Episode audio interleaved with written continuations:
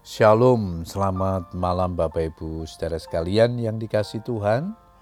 Kita bersyukur kepada Tuhan untuk setiap kebaikannya di dalam kehidupan kita.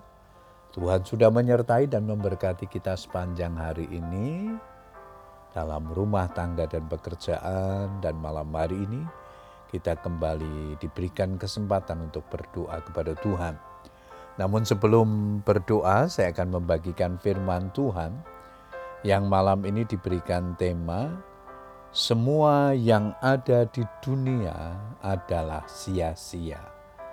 Ayat mas kita di dalam pengkhotbah 2 ayat 18.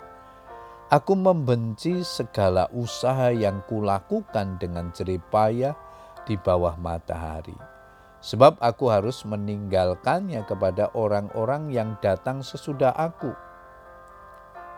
Apa yang Salomo tulis ini tidak mudah dimengerti dan dipahami.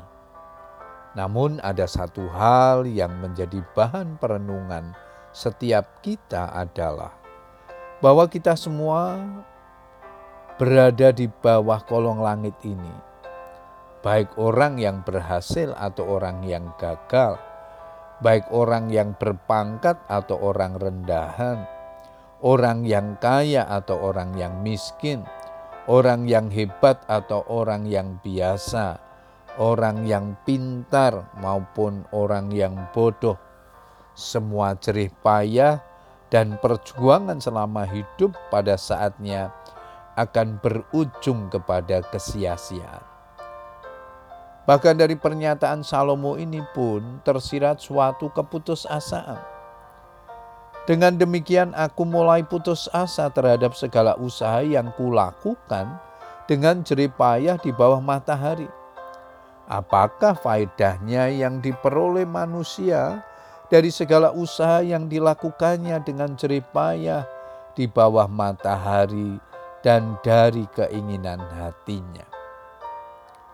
Salah satu contoh kesia-siaan adalah harta kekayaan. Sekaya apa pun seseorang, pada akhirnya semua harus ditinggalkan saat masa kontrak hidup kita di dunia ini sudah berakhir, alias kita sudah dipanggil Tuhan.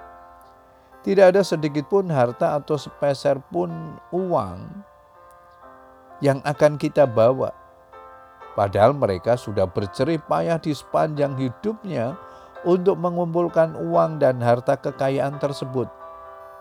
1 Timotius 6 ayat yang ketujuh di sana dikatakan, Sebab kita tidak membawa sesuatu apa ke dalam dunia, dan kita pun tidak dapat membawa apa-apa keluar.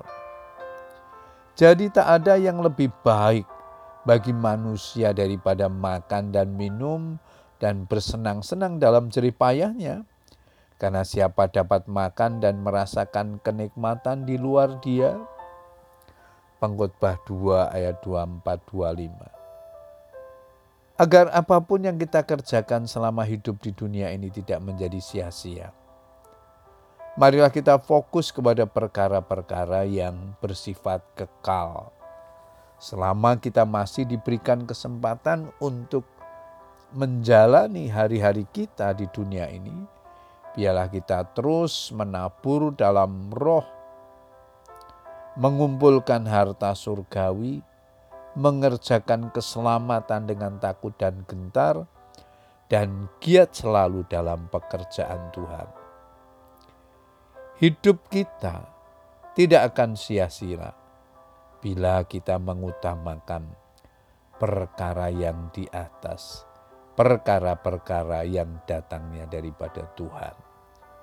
Puji Tuhan Bapak Ibu Saudara sekalian, biarlah kebenaran firman Tuhan yang kita baca dan renungkan pada malam hari ini menolong kita untuk mengisi kehidupan ini dengan perkara-perkara yang bernilai kekal yang tidak akan kita tinggalkan dengan sia-sia.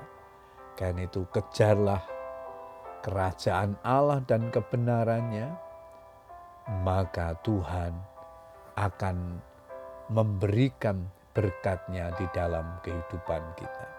Selamat berdoa dengan keluarga kita. Tuhan Yesus memberkati. Amin.